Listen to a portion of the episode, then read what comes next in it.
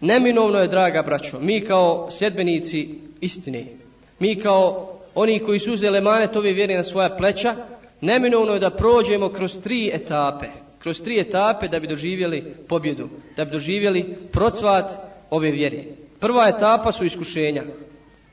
Nakon što smo uzeli vjeru, islam za put, moramo proći kroz iskušenja. Zbog čega moramo proći kroz iskušenja? Prvo, da se mi očistimo, da mi očistimo naša srca, da se očeličimo i da budemo sposobni za nošenje emaneta i tereta ove vjere. Drugo, da se razdvoje iskreni od neiskrenih, da se između naših redova razdvoje oni koji nisu iskreni, koji su ušli sa raznoraznim interesima i ciljevima ovu vjeru i u našu zajednicu, znači nisu bili iskreni, a iskušenja će takve odvojiti. Dalje, da Allah Đelešanuhu očisti vjernike od njihovih grijeha. Jer Allah Đelešanuhu neće dati pobjedu ako budemo prepuni grijeha i ako budemo odane našim strasima i prohtjevima. Druga etapa kroz koju trebaju da prođu vjernici, nosioci vjere, jeste sabor, strpljivost na tim iskušenjima. Strpljivost na tim iskušenjima je to jedna od najvažnijih etapa. Ako tu padnemo, sve propada. Propada je ono što smo prije stekli, a ne idemo dalje ili ka pobjedi ove vjere i ka uzdizanju istine.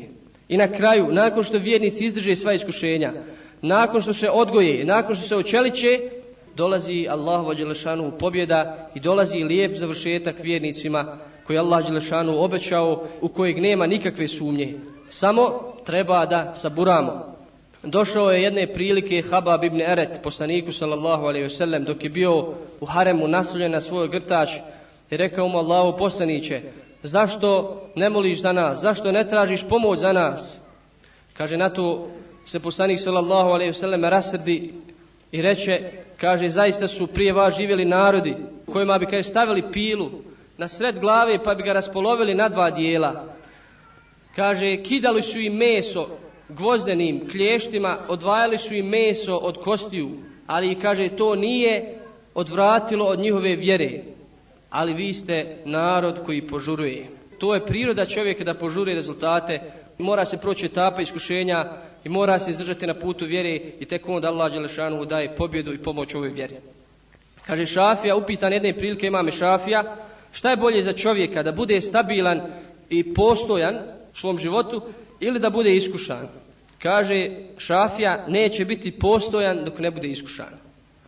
Također hadis od Ibn Abasa o Sufjanu i Heraklu, kada je Sufjan otišao kod Herakla i govorio mu o novom vjerovjesniku, tada Sufjan nije primio islam, upitao ga je Herakl, upitao je Sufjana, da li se oni bore protiv vas? To je poslanik njegovi sedbenici. Kaže, bore se. Kaže, pa ko pobjeđuje? Kaže, nekada mi je, nekada oni.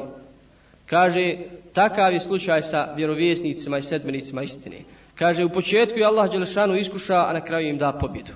To je Allahov sunnet koji se jeli, neće promijeniti do sudnjega dana. Nijedan poslanik nije doživio pobjedu dok nije bio iskušan. Svi su morali proći kroz ovu etapu koju smo spominjali. Kaže Allah Đelešanu, a poslanici su i prije tebe lažnim smatrani, pa su trpjeli što su ih u lažu gonili i mučili sve dok im ne bi došla naša pomoć. A niko ne može Allahove riječi izmijeniti i do tebe su doprle o poslanicima neki